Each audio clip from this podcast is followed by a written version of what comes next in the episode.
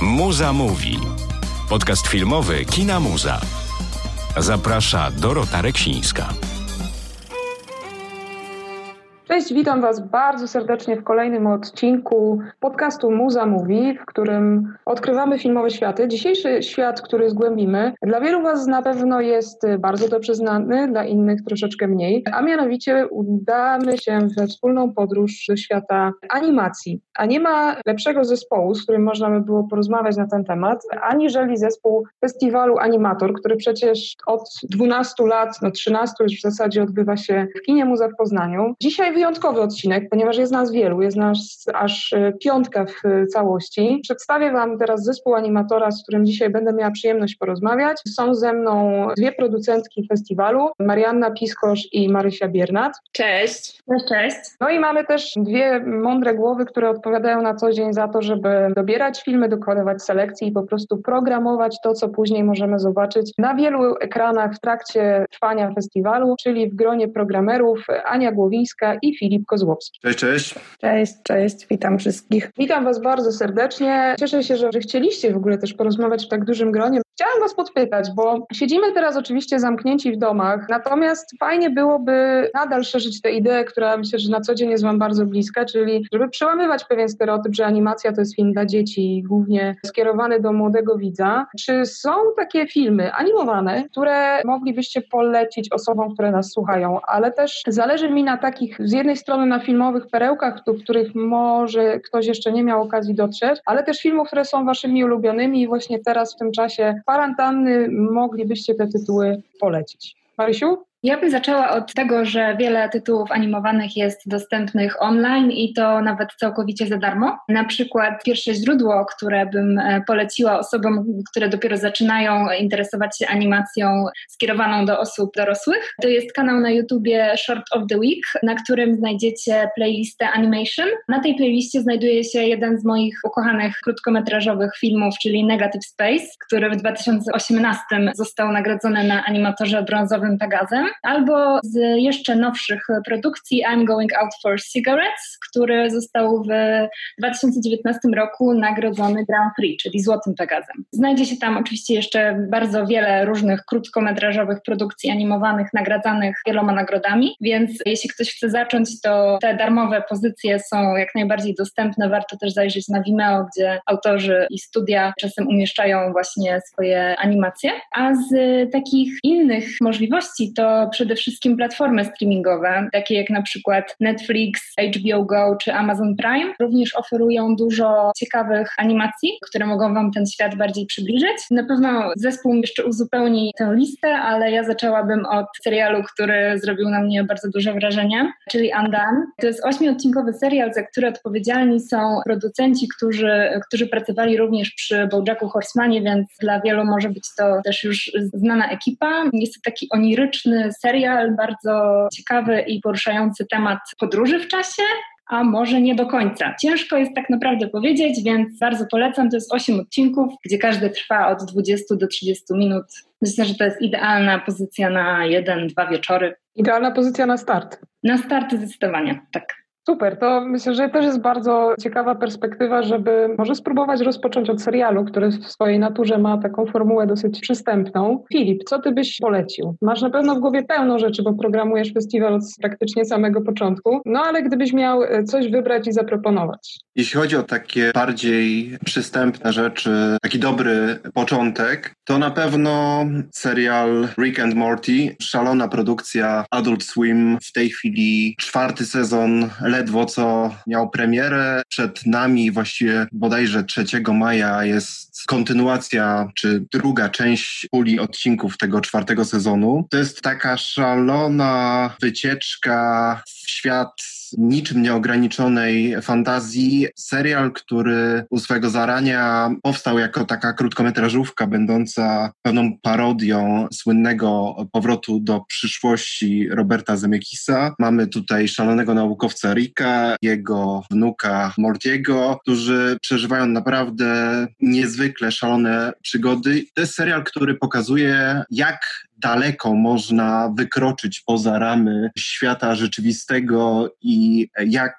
dziwne, absurdalne, a jednocześnie niezwykle zabawne pomysły można mieć. Także ten serial zdecydowanie bym polecał na start. Podobnie serial odrobinę cięższy, o którym już wstępnie wspominała Marysia, czyli Bojack Horseman. Serial będący takim komediodramatem o perypetiach życiowych pewnego aktora i tak naprawdę całość serialu jest pewną sarkastyczną opowieścią o świecie celebrytów, o Hollywoodzie, ale również niezwykłe dramaty się odbywają i poważne tony, wręcz depresyjne, wchodzą w grę. Jest to serial Evenement, który chyba nie ma drugiego takiego serialu, który byłby znany wszystkim, łącznie z osobami, które całkowicie nigdy nie interesowały się animacją i rzesze fanów również również w Polsce. Pozwolę sobie, sobie wtrącić na moment. Te seriale, o których ty mówisz teraz, owszem, one mają rzesze fanów, natomiast mam taką obserwację, że ta grupa fanowska jest coraz młodsza tak naprawdę, no bo na przykład Rika i Mortiego myślę, że oglądają teraz spokojnie obecne trzynastolatki i takie pokolenie, które no tak naprawdę teoretycznie jakbyśmy chcieli się nad tą treścią zastanowić, nie do końca ta treść jest do nich jakby skierowana.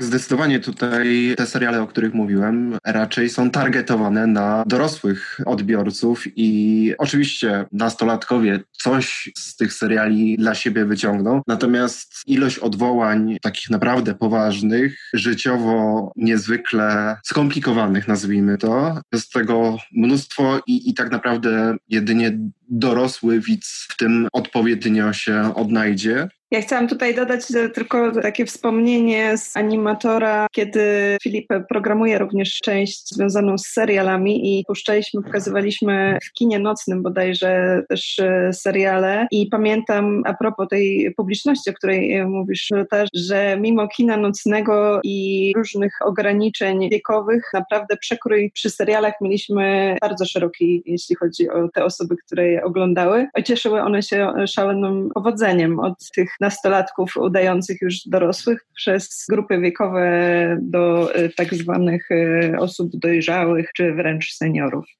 Ale to jest też taka moja obserwacja sprzed jeszcze kwarantanny, no bo oczywiście teraz siedzimy w domach i jakby sklepy widujemy tylko i wyłącznie w internecie. Natomiast mam wrażenie, że też bardzo dużo sieciówek podłapało ten trend i teraz w większości sklepów można kupić e, bluzy, koszulki właśnie z tymi bohaterami na, na działach młodzieżowych, czyli teoretycznie właśnie to jest odzież kierowana do tej grupy, do której no pozornie nie ten serial. Także to też jest myślę ciekawy ja, wątek. Ja ci wejdę jeszcze w słowo, bo ja jestem od tych mniej merytorycznych rzeczy, jeśli chodzi o program i dodam, że Filip również posiada w ogóle specjalną edycję i specjalny egzemplarz koszulki serialowej Bojack Horsemanem, o ile się nie mylę. Czy tak? Tak, tak, tak, dokładnie. Wręczoną zresztą przez jednego z głównych animatorów serialu, niejakiego Mike'a Hollingswortha, który był gościem festiwalu Kaboom, pierwszej edycji festiwalu Kaboom w Amsterdamie, który odbywał się jeszcze w tych złotych czasach, kiedy o wirusie nie słyszeliśmy, czyli w drugiej połowie listopada. No, niezwykłe doświadczenie. No ale wracając, weszliśmy w obszar tych seriali, które na pewno, jeżeli ktoś ich nie widział, to zdecydowanie polecamy je nadrobić.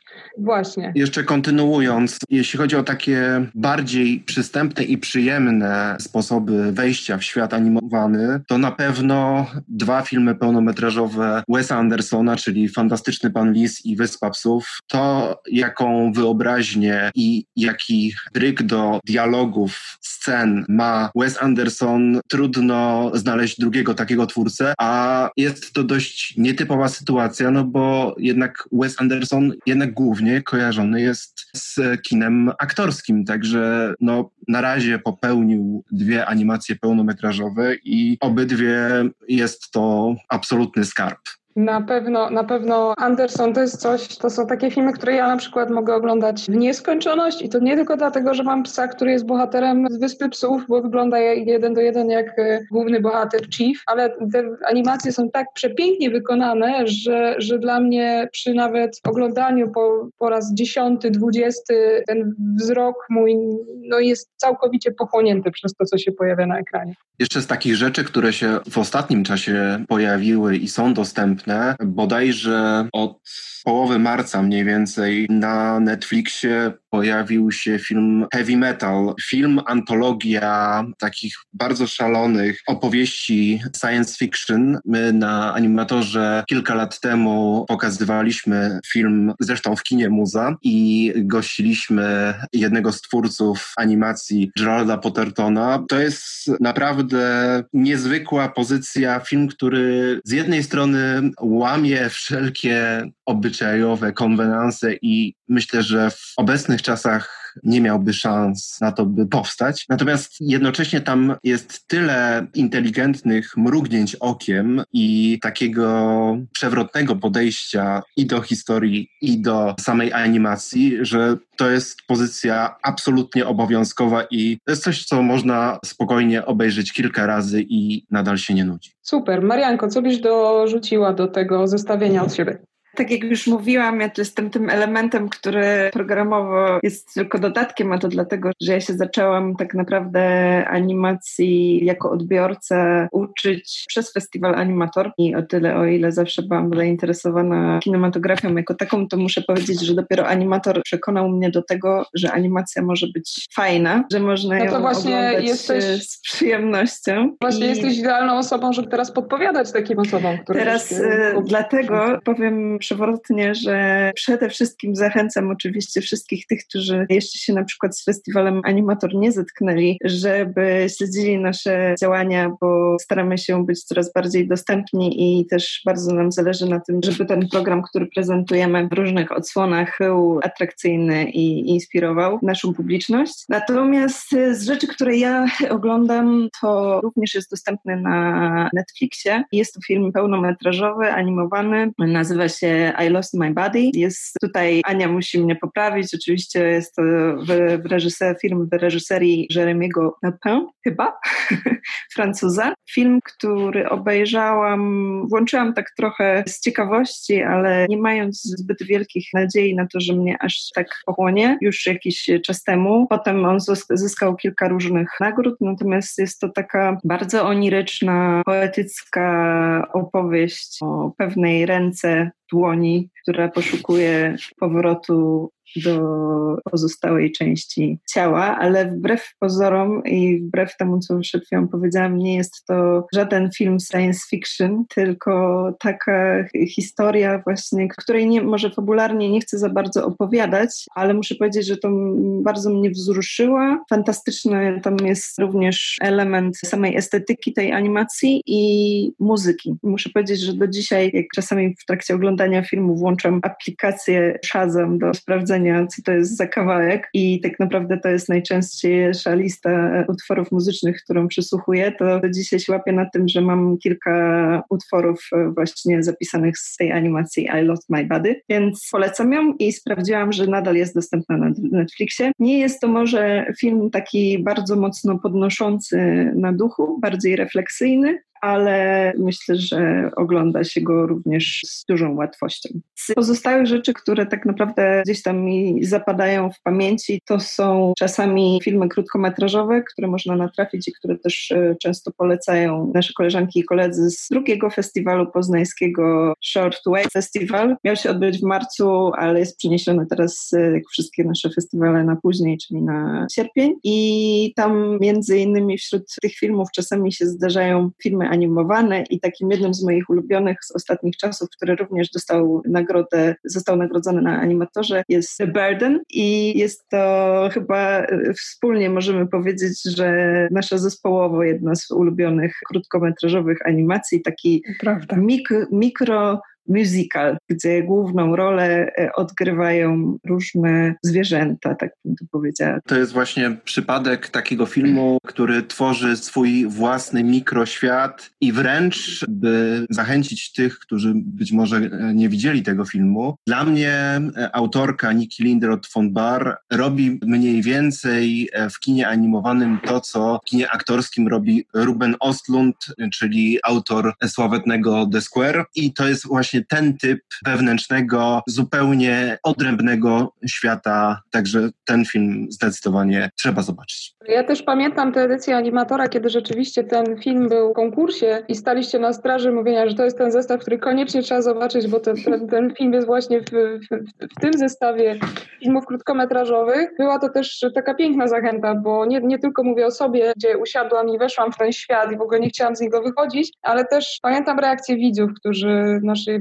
publiczności, która właśnie przeżywała, że w animacji może znaleźć coś, co jest po prostu nie do zapomnienia. W tym wypadku akurat tego tytułu. No, jest to też nie bez powodu ulubieniec publiczności, który zdobył nagrodę. A co więcej, w kolejnych filmach autorki wydaje się, że cały czas jesteśmy w tym samym uniwersum. To znaczy, jest ono rozszerzane o właśnie kolejne postaci, o kolejne piosenki. W swoim najnowszym filmie na przykład autorka, powiedzmy, zmieniła słowa kołysanki dla swojego dziecka i właśnie przeniosła tę melodię na taki swój absurdalny świat zwierząt w sytuacjach ludzkich. Jest to bardzo trudne do opowiedzenia, jeśli ktoś tego nie widział, ale myślę, że to porównanie Filipa bardzo dobrze oddaje to, z jakim poczuciem humoru i z jaką ironią w tych filmach mamy do czynienia. I oczywiście jeszcze tutaj dodam, że mamy nadzieję, że uda nam się pokazać naszym słuchaczom w ramach kolejnej edycji festiwalu najnowszy film Niki Android von Bar, który już jest na pewno w dystrybucji. To Aniu, jak już e, włączyłaś się do tej dyskusji, to może rzucisz jeszcze nam swoje typy filmowe, które, które właśnie poleciłabyś na ten czas albo na właśnie początek przygody z animacją. Mhm. No tak y, myśląc o początku w ogóle przygody z animacją, ja wspominałam mój początek tej przygody i tak się akurat złożyło, że z, zaczynałam od filmów Zbigniewa Rybczyńskiego. Jeden film bardzo mi się kojarzy z obecną sytuacją pandemii i naszego uniwersalnego tutaj lockdownu, czyli Tango. Wiele jego filmów jest dostępnych na pewno online na stronie Ninateki. I myślę, że w ogóle jest to dobra strona do polecenia dla tych, którzy chcieliby też z nami obalać stereotypy odnośnie animacji, jako że jest to sztuka dla dorosłych, ponieważ na tej stronie Ninateki znajduje się obszerna wideoteka zawierająca różne animacje realizowane przez polskich twórców. Ja chciałam tylko jeszcze dodać, jako że zawsze właśnie skarbnicą wiedzy, jeśli chodzi o wszelkie filmy animowane, właśnie Ania i Filip i nie ma lepszej w ogóle Wikipedii i innych pochodnych wyszukiwarek niż zadzwonić do Filipa, jak nie możesz sobie czegoś przypomnieć. Więc dzisiaj rozmawiając też jeszcze przed, przed tym naszym spotkaniem, prosiłam Filipa, żeby mi pomógł, gdyż moja pamięć jest bardzo zawodna, jeśli chodzi o tytuły zwłaszcza i sprawdziłam, że również e, ta seria krótkich animacji jest dostępna na YouTubie. Polecam dla wszystkich fanów takiego właśnie bardzo absurdalnego humoru. Wiem, że niektórzy zupełnie to odrzucą, ale muszę powiedzieć, że to był jeden z e, moich pierwszych wspomnień związanych z jakimiś tematami około animatorowymi i pewne trio złożone z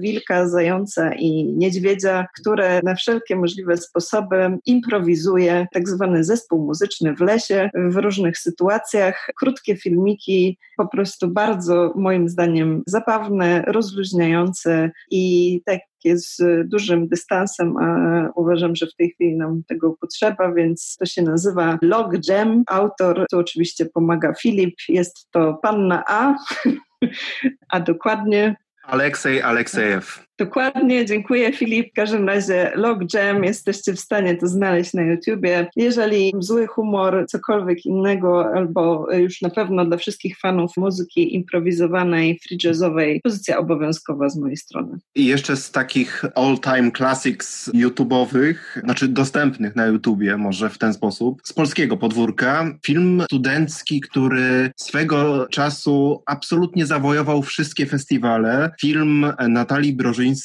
Drżące trąby. Niezwykle zabawna, ponad trzyminutowa animacja opowiadająca o życiowych dylematach i problemach dwójki dziwnych, lalkowych bohaterów. To jest coś, co trzeba zobaczyć i przede wszystkim też usłyszeć ich dziwaczne głosy, także to na pewno koniecznie warto. Z takich rzeczy, które jeszcze na pewno, e, na które warto zwrócić uwagę, chociażby dwa filmy pełnometrażowe Niny Paley, amerykańskiej niezależnej animatorki, która popełniła film Sita śpiewa bluesa, który pokazywaliśmy w zeszłym roku e, w kinie nocnym, a także film Seder Masochism, który dwa lata temu zdobył nagrodę publiczności w e, konkursie pełnometrażowym i który jest dostępny na kanale Vimeo Niny Paley w całości. Zresztą to jest ciekawy wątek, którego nie będę tutaj rozwijał, ale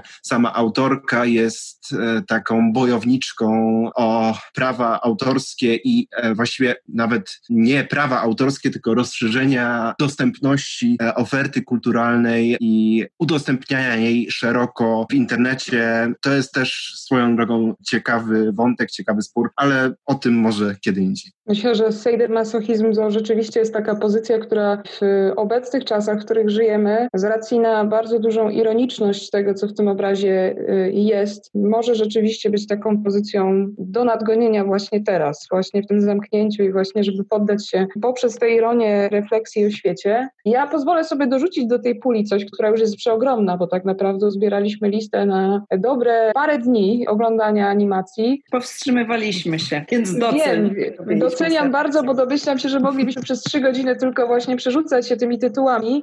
Ania, mówiłaś o filmie Tango, który też zrobił na mnie ogromne wrażenie, ale ja tak naprawdę z animacją zaczęłam się przyjaźnić stosunkowo późno, bo miałam bodaj z 18 lat, ale pamiętam, że to, co mnie absolutnie zachwyciło i do dzisiaj mnie bawi, natomiast też jest to pewna konwencja, w którą trzeba wejść, to jest Julian Antonisz, jego twórczość non-kamerowa, natomiast film Jak działa jamniczek uwielbiam, jest on na pewno też chociażby na YouTubie, bo jest to już fi, fi, filmowa klasyka polskiej animacji, a zdanie e, ostatecznie bodajże wszystko, co żywe ma jakąś kiszkę. Będę zawsze jakby cytować w zależności od jakby życiowej sytuacji, w której można to zdanie użyć, ale pomyślałam sobie też o jednym filmie, który tutaj się nie pojawił. Być może jest to dosyć e, oczywista propozycja, ale też chciałam o niej powiedzieć, dlatego że pamiętam, że jak graliśmy ten film repertuarowo w kinie muza, to mieliśmy raz, że bardzo dużą frekwencję na tym tytule, a dwa, że publiczność wychodziła naprawdę zachwycona tym, co zobaczyła, a mianowicie jest to film Twój Vincent, Doroty Kobieli i Hugh Wellmana. I tutaj rzecz jest o tyle, wydaje mi się, warta uwagi, jeżeli ktoś jeszcze nie widział, to koniecznie do nadrobienia, że jest to animacja, która była malowana przez około 130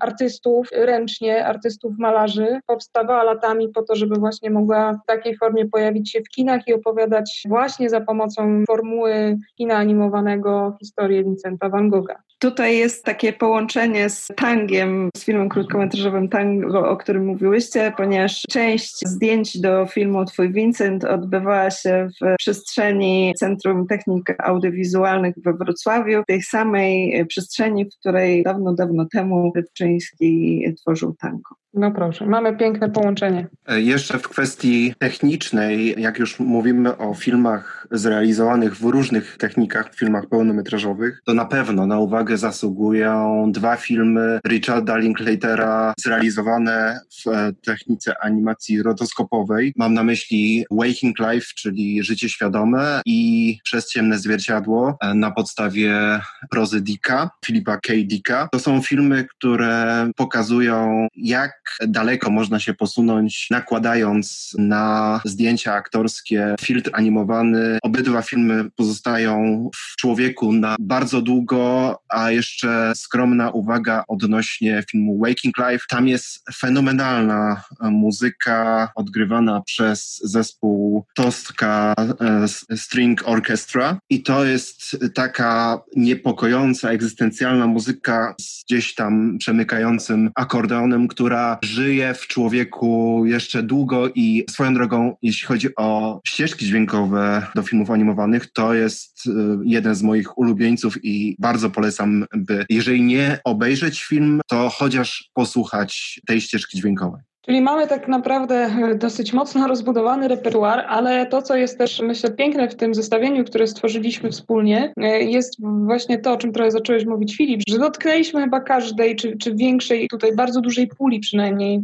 technik, które w animacji się stosuje. Czyli jeżeli ktoś sobie przynajmniej nadrobi tę listę, no to, to zobaczy, że animacja to rzeczywiście jest dziedzina sztuki, która jest szalenie różnorodna. Rozmawialiśmy o tym, co już było i co możecie, co możecie też znaleźć teraz w i pooglądać. Natomiast chciałabym też Was zapytać troszeczkę o to, co będzie, ale jeszcze o to właśnie, co, co będzie i co jest przed nami filmowo. Trochę Ania już też do tego nawiązałaś pod kątem dystrybucji filmowej, tego, czego możemy się spodziewać. Pamiętam, że w lutym jeszcze mieliśmy przyjemność pojawić się wspólnie na, na Berlinale. Było to no, tak na ostatku przed wybuchem pandemii, więc rzeczywiście mieliśmy szczęście, że mogliśmy jeszcze na, na tym festiwalu w tym roku razem być. Oglądaliśmy tam wspólnie film Zabito i Wyjedź z tego miasta Mariusza Wilczyńskiego. To jest film, który powstawał przez 14 lat, który no, jest taką trochę autobiograficzną historią artysty, ale też nawiązującą do jego rodzinnego miasta Łodzi. Ja pamiętam, że z jednej strony był to dla mnie bardzo impresyjny obraz, ale też dogłębnie doświadczyłam tego filmu z racji na ilość kontekstu, która w nim jest. Chciałam Was zapytać, jak wspominacie też ten seans i przede wszystkim, czy chcielibyście go też zaprezentować w październiku, bo w październiku planowana jest edycja tegorocznego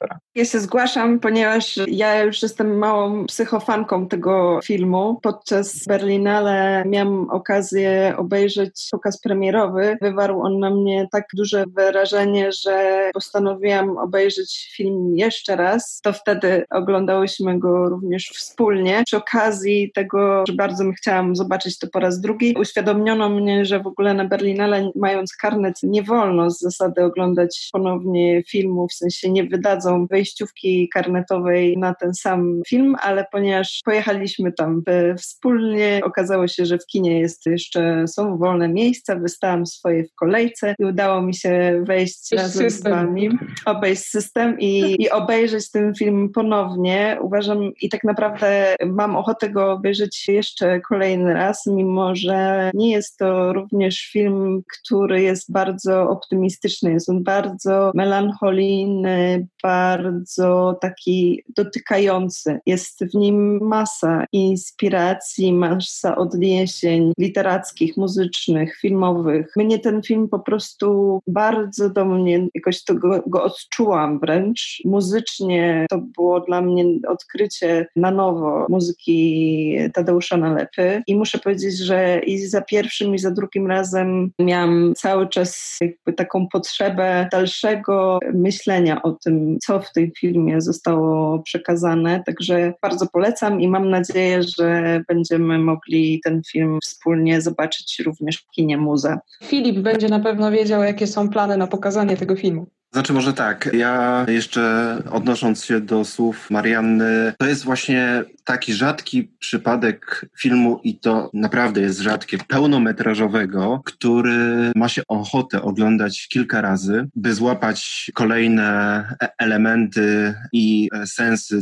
w nim zawarte. To jest taki film, w którym przeszłość, przyszłość, teraźniejszość i fikcja łączą się w jakiś niebywały mikrokosmos i film jest niezwykle wielowątkowy, wielowymiarowy, metaforyczny, a końcowa sekwencja to już jest czysta poetycka magia, no prawdziwa esencja sztuki animacji. Jeśli chodzi o plany, no to trzymamy rękę na pulsie i już od jakiegoś czasu śledzimy pracę nad filmem. Powiem tak, że ponieważ no, w tej chwili jeszcze jest dużo znaków zapytania, sytuacja jest nadal niepewna, staramy się i bardzo byśmy chcieli, żeby film znalazł się w tegorocznej selekcji konkursowej pełnometrażowej i jeżeli będą sprzyjające okoliczności zewnętrzne, że tak to ujmę, to to się ziści.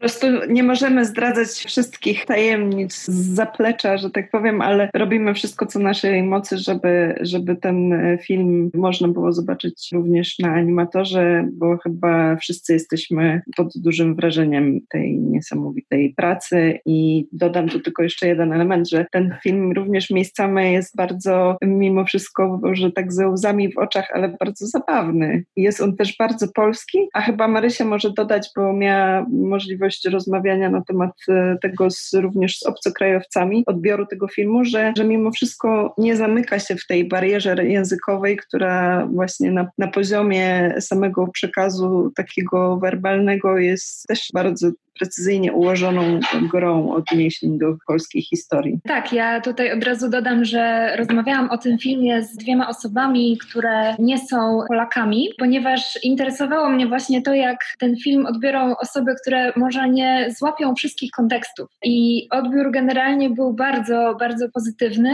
Trochę wyjaśnień było potrzebnych, gdzie jedna osoba mieszka w Polsce od pięciu lat, druga osoba nigdy nie mieszka w Polsce, była tylko przejazdem. Nie były na przykład przez nich od razu rozpoznane niektóre miejsca, które są bardzo charakterystyczne dla Łodzi i dla każdego, kto, kto mieszka w Polsce, są one e, oczywiste, ale doceni, docenili oni taką autorefleksję postaci, którą właśnie dokonuje bohater. Jest to też taki jakby film w filmie, ponieważ on podczas tego filmu to tylko zdradza, że e, opowiada o tym, że robi film, i tym filmem jest właśnie to, co widzimy na ekranie. Więc zrobiło to bardzo duże wrażenie. Jeden z moich znajomych nawet powiedział, że jest to dla niego top drugi film, który widział na Berlinale. Nie ukrywam, że bardzo cieszy mnie to doświadczenie właśnie osób, które nie mają tego polskiego kontekstu, bo to jest jedna z pierwszych rzeczy, która mnie trochę martwiła po tym seansie, że właśnie może to być nie do końca wyłapywalne. Jeżeli okazuje się, że film może dotrzeć do szerszej publiczności, tym bardziej super i tym bardziej też nie mogę się doczekać, aż będę mogła zobaczyć go już e, może nie na ekranach swoich telewizorów i monitorów, ale właśnie na, na dużych ekranach Oby, oby we wrześniu albo w październiku. Dorota, wiemy, że, że y, wrzesień jest trochę bliżej lipca, gdzie zazwyczaj, kiedy zazwyczaj mamy festiwal, ale jednak w tym roku jesteśmy przeniesieni na październik. Trzeci do dziewiąty października to jest ten miesiąc, który następuje po wrześniu. Dziękuję bardzo. Muszę w takim razie nadrobić wiek kalendarza, bo nie wiem, dlaczego się uczepiłam dzisiaj tego września, ale oczywiście w październiku ale jeździcie na wiele festiwali filmowych, jesteście cały czas w tym temacie filmów i szukania tego, co można pokazać e, właśnie na animatorze. Więc chciałam Was zapytać, jakie jeszcze e, tytuły już widzieliście, których wyczekujecie i które jak najszybciej chcielibyście móc właśnie pokazać dalej, podzielić się nimi z publicznością? No wracając do Berlinale, no to na pewno jeszcze kilka shortów animowanych widziałem i, i w tej chwili jestem w trakcie ściągania ich do konkursu krótkometrażowego. To między innymi taka kanadyjska produkcja Great Malas, Catherine Lapage, taka opowieść o skomplikowanej sytuacji życiowej e, pewnej młodej dziewczyny, zestawiona z e, serią dość nieoczywistych i często dziwacznych rysunków i animacji abstrakcyjnej. E, bardzo ciekawa pozycja. To na pewno też ciekawy film francuski niejakiego Jamesa Molla Black Sheep Boy. Film zrobiony w estetyce takiej retro gry komputerowej, który zaczyna się właściwie jakimś takim skromnym zadaniem, które chce wykonać główny bohater, i ten film z czasem przeradza się w jakiś traktat filozoficzny, zrealizowany w tej stylistyce retro-growej. Także jest to bardzo ciekawa pozycja. I film, który mnie zdziwił, czy raczej dziwiło mnie to, jak e, bardzo zrobił na mnie wrażenie.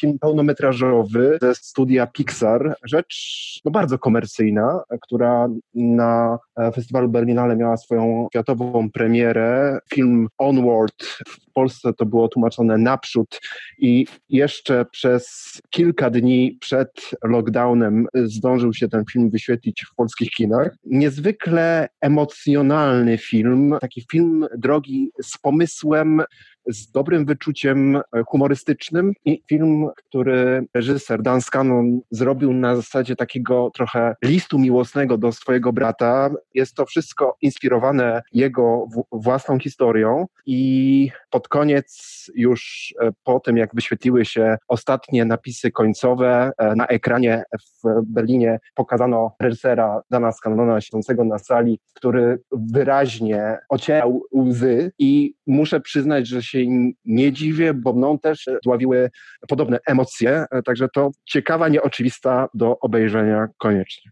Ten film, o którym opowiadasz, przypomina mi właśnie taki bardzo komercyjny tytuł, który w Polsce funkcjonował pod tytułem W głowie się nie mieści. Myślę, że tak, a może nawet dalej, bo tak jak mówiłem, przede wszystkim jest to dobrze zrealizowany film drogi z niezwykle mocną historią, która ma ręce i nogi, opowiada o radzeniu sobie ze stratą bliskiej osoby i każdy, kto kogoś stracił, bardzo może się zidentyfikować z tą historią. I no, siłą tej historii jest też to, że no, to jest taki film z serca, gdzie faktycznie to jest na podstawie historii samego reżysera, także naprawdę warto. Super. Nie możemy się zatem doczekać, aż będzie on możliwy do zobaczenia, bo ja też jeszcze go nie widziałam i e, czuję się zachęcona ogromnie, żeby właśnie móc go zobaczyć w całości. Ten film już jest dostępny na kilku platformach VOD czy streamingowych i obejrzeć ten film z oryginalnymi głosami, a nie z dubbingiem, który niestety w polskich kinach zawsze występuje e, i moim zdaniem zabija filmy kierowane do szerokiego odbiorcy. Tym bardziej warto, że bohaterom w oryginale e, głosów użyczają Chris Pratt e, i Tom Holland, czyli Star-Lord i Spider-Man z uniwersum Marvela. No zobacz, to ja nie wiem jak wy, ale ja już wiem, co będę oglądać dzisiaj wieczorem. Pozwolę sobie na moment może odbić już od tematu samych tytułów filmowych, których jest przecież mnóstwo, ale wykorzystać to, że jesteśmy tu razem. Tworzycie festiwal, Międzynarodowy Festiwal Filmów Animowanych Animator już e, od wielu lat, niektórzy z was od samego początku i chciałam zapytać was, który moment z tej historii 12 edycji, które się już odbyły, zapadł wam najsilniej w pamięci? Czy, czy macie takie wspomnienia, z którymi chcielibyście się podzielić, które stanęły Wam na drodze i, i do dzisiaj są w Waszej głowie? Tych momentów jest mnóstwo, ale tak hasłowo 2011 rok, e, nie, przepraszam, 2012 rok, koncert w strefie plenerowej w e, Pasażu Kultury na Starym Rynku, koncert kanadyjskiej grupy Esmerin, jest godzina 22, burza, wiatr i deszcz leje straszliwie, tak mocny i głośny ten deszcz, że właśnie zagłusza wszystko i w tym środowisku dźwiękowym nagle pojawiają się poetyckie, subtelne dźwięki odgrywane przez e, zespół Esmerin do animowanych przeźroczy. No, magiczny moment. Rok 2013, obecność Johna Dilworta, twórcy e, Chojraka, Tchórzliwego Psa, słynnej serii Cartoon Network. To, jaki on show zrobił podczas obecności na festiwalu, no to można opowiadać godzinami. Ja mogę powiedzieć, że rozmawialiśmy o tym, przygotowując się do tego naszego dzisiejszego spotkania i zgodnie stwierdziliśmy, że najwięcej mamy takich historii, które nie nadają się na antenę. I są to historie, które można określać różnymi e, tajemniczymi hasłami. Między innymi też e, taka historia nasza wspólna, która również nie nadaje się na antenę, ale bardzo mam do niej sentyment pod hasłem tortu lawendowego czy ciasta lawendowego i, i że tak powiem, e, koń, kończenia festiwalu. Natomiast może jednak coś się znalazło takiego, o czym możemy powiedzieć. Ja myślę, że mam takie dwie historie, tak naprawdę z, z początku i końca mojego animatorowego doświadczenia. To znaczy z pierwszego festiwalu, przy którym pracowałam, to jest, był rok 2016. Wtedy produkowałam strefę plenerową festiwalu Animator, klub festiwalowy w Parku Wieniawskiego. Niezapomniane dla mnie doświadczenie zawodowe, dużo różnych wyzwań, jak to się ładnie mówi i między innymi jak już cały festiwal się przetoczył, byliśmy oczywiście wszyscy e, półżywi ze zmęczenia i z emocji panujących, to e, moim zadaniem było również przygotowanie afterparty po gali zamykającej festiwal, która odbywała się wtedy w sali Wielkiej Centrum Kultury Zamek.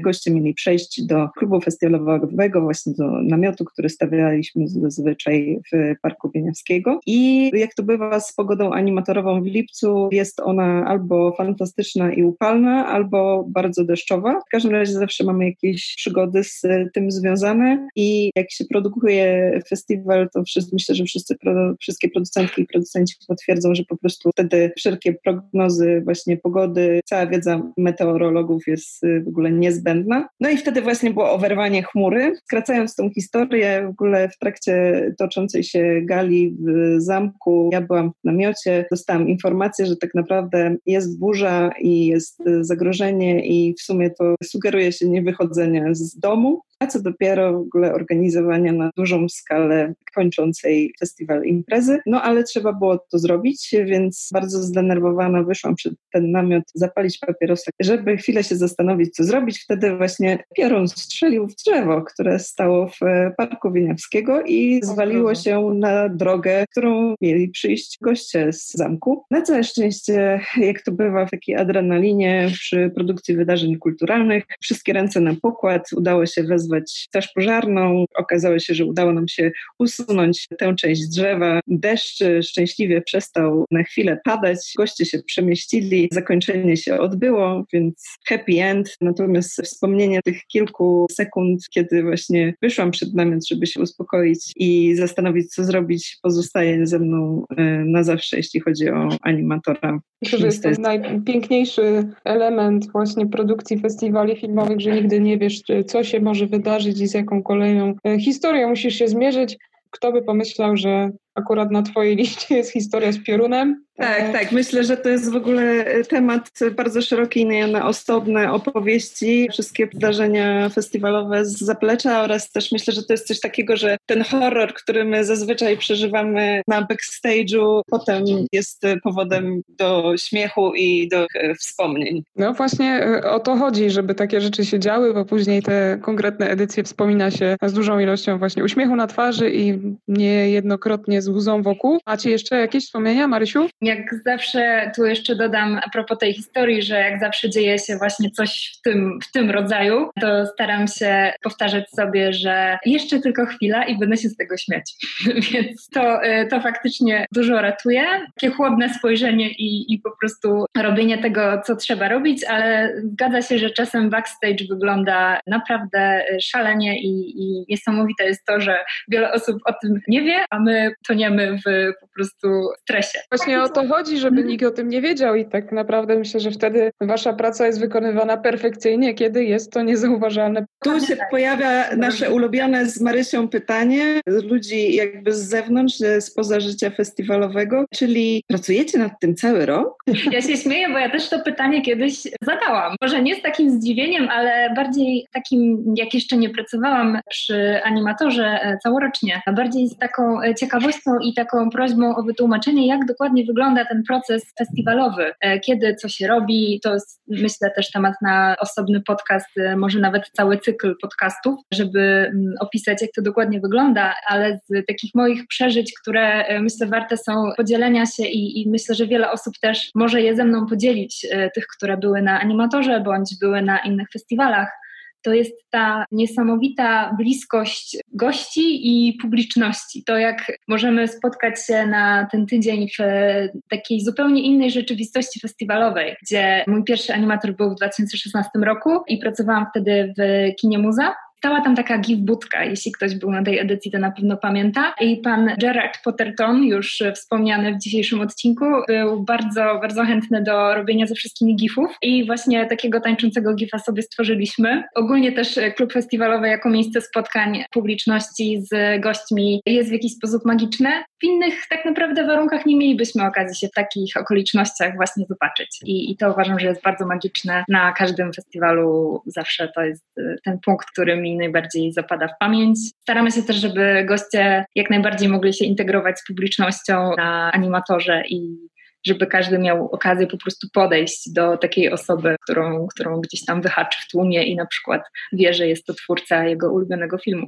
Myślę, że to jest właśnie element, który tworzy festiwale i dodaje im piękna, czyli to, że możemy być w nich razem. Poza tym, że doświadczamy wspaniałych rzeczy na ekranie, to też poznajemy ludzi, wymieniamy się myślami, rozmawiamy. Ja tylko wtrącę a propos tego, że wy pracujecie nad animatorem cały rok, to ja chciałam zdementować opinię. Ja pracuję w kinie, to prawda, natomiast moja praca nie polega na oglądaniu filmów przez cały dzień, ale to tylko z, wtrącam z uśmiechem. Kasza też. E, wiem, że nie, e, ale, ale jest to taki mit, który byłby. Bardzo nie chciałabym go musieć obalać. O, może tak. Kochani, nasz czas leci nieubłaganie, ale też e, chciałam Was zapytać o ostatnią rzecz, bo trochę Marysiu o tym powiedziałaś, że te sytuacje stresowe wymagają dopasowywania się do sytuacji i okoliczności. Czasami są to spadające drzewa, czasami jest to gość, który nie przyjedzie na czas, czasami jest to taśma filmowa, która zerwie się z projektora, a czasami jest to koronawirus, który zamyka nas w domach. Mam wrażenie, że radzicie radzicie sobie z tym czasem bardzo fajnie. Zresztą nasz wspólny cykl, jakim jest Animuza, już miał y, premierę online i z tego co wiem, wyszło to z bardzo dużym sukcesem. I chciałam Was zapytać, co jeszcze planujecie dla nas wszystkich w najbliższym czasie tego domowego zamknięcia? Pierwsza edycja online Animuzy faktycznie wyszła bardzo e, pozytywnie i odbiór, jaki otrzymaliśmy od Was, od widzów i widzek, był naprawdę niesamowity, bo w ankietach, które dla Was przygotowaliśmy, przeczytaliśmy mnóstwo ciepłych słów, jak na przykład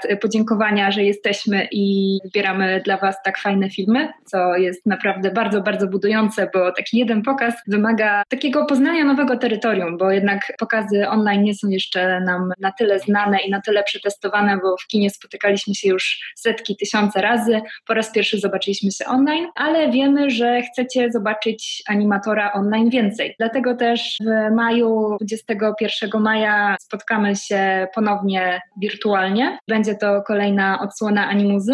Cały czas jesteśmy też otwarci na Wasze opinie na temat pokazów online'owych, co chcielibyście zobaczyć, czy zamierzacie uczestniczyć w kolejnych edycjach Animuzy i ogólnie co sądzicie o doborze programu, więc na pewno wtedy spytamy Was znowu i jesteśmy otwarci na wszystkie wiadomości czy komentarze, które chcecie nam przekazać. Dodam, że ten pokaz online'owy to było dla nas dość duże wyzwanie i bardzo się cieszymy i bardzo, bardzo, bardzo dziękujemy, że tyle osób z nami było. Nie spodziewaliśmy się, szczerze mówiąc, że to się tak uda zrobić. Staramy się jakoś odnaleźć w tym, co się w tej chwili dzieje i też, tak powiem, nie pauzować i w tym całym repertuarze rzeczy, które można w tej chwili zrobić w internecie. Chcemy się jakoś to również e, zmieścić, więc wymyślamy. Mamy nadzieję, że z satysfakcją e, również dla Was, słuchających i uczestniczących, różne zdania i między innymi Ania e, szykuje tutaj w kąciku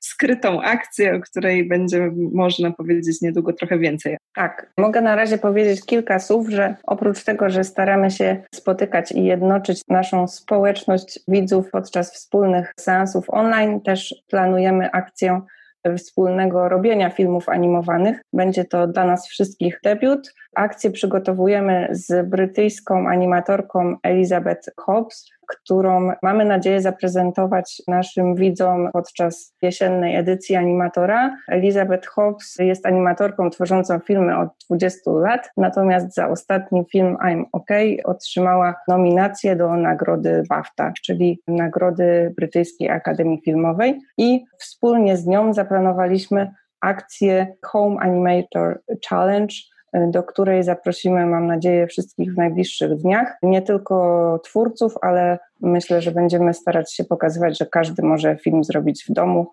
szczególnie teraz, kiedy wszyscy jesteśmy w tych domach. Super, brzmi to rewelacyjnie. Tutaj jeszcze zapraszając również wszystkich, powiem, że szykujemy dla Was specjalnie niespodziankę, bo zazwyczaj animator odbywa się w lipcu, dokładnie zazwyczaj odbywa się w pierwszej połowie lipca. W tym roku miał się odbyć między 10 a 16 lipca i szykujemy dla Was specjalny weekend 10, 11, 12 lipca. Nie możemy jeszcze zdradzić szczegółów, bo to jest cały czas work in progress, ale proszę, simy Was bardzo. Zarezerwujcie sobie czas w tych dniach. Wszyscy ci, którzy, którzy tęsknią za animatorem, na pewno będą specjalne atrakcje w tym czasie. W szerszej wersji widzimy się w październiku. A zatem powtórzmy to jeszcze raz dosadnie i już po raz ostatni dzisiaj, 3 do 9 października roku 2020 odbywa się 13 edycja Animatora w Poznaniu, ale nie mam najmniejszych wątpliwości dzięki temu, co też dzisiaj od Was słyszałam i co usłyszeliśmy wszyscy, będzie się działo do tamtej daty, ale też jest co oglądać w domu, a zatem nie rozstawajmy się z animacją i z tą myślą chciałabym podziękować Wam serdecznie za tę rozmowę i za to, że byliście ze mną dzisiaj z naszymi słuchaczami właśnie. Dzięki serdeczne. Bardzo dziękujemy. Wiadomo, że bez Twojego wsparcia też te ostatnie animacje animatorowe by się nie mogły odbyć, tak jak i całej ekipy muzowej, więc dziękujemy tym bardziej za zaproszenie do pogadanki i pozdrawiamy wszystkich i trzymajmy się wszyscy ciepło i dobrze i zdrowo. Zostawiamy Was też z taką myślą, żeby właśnie się wspierać i ramię w ramię działać, jeżeli tylko macie w sobie taką potrzebę i ochotę. Dziękuję Wam serdecznie, dziękuję serdecznie wszystkim, którzy nas słuchali i do usłyszenia w takim razie w kolejnym odcinku podcastu Muza Mówi. Cześć. Dzięki. Dzięki.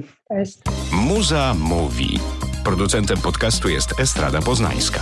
Więcej na estrada.poznan.pl i kinomuza.pl.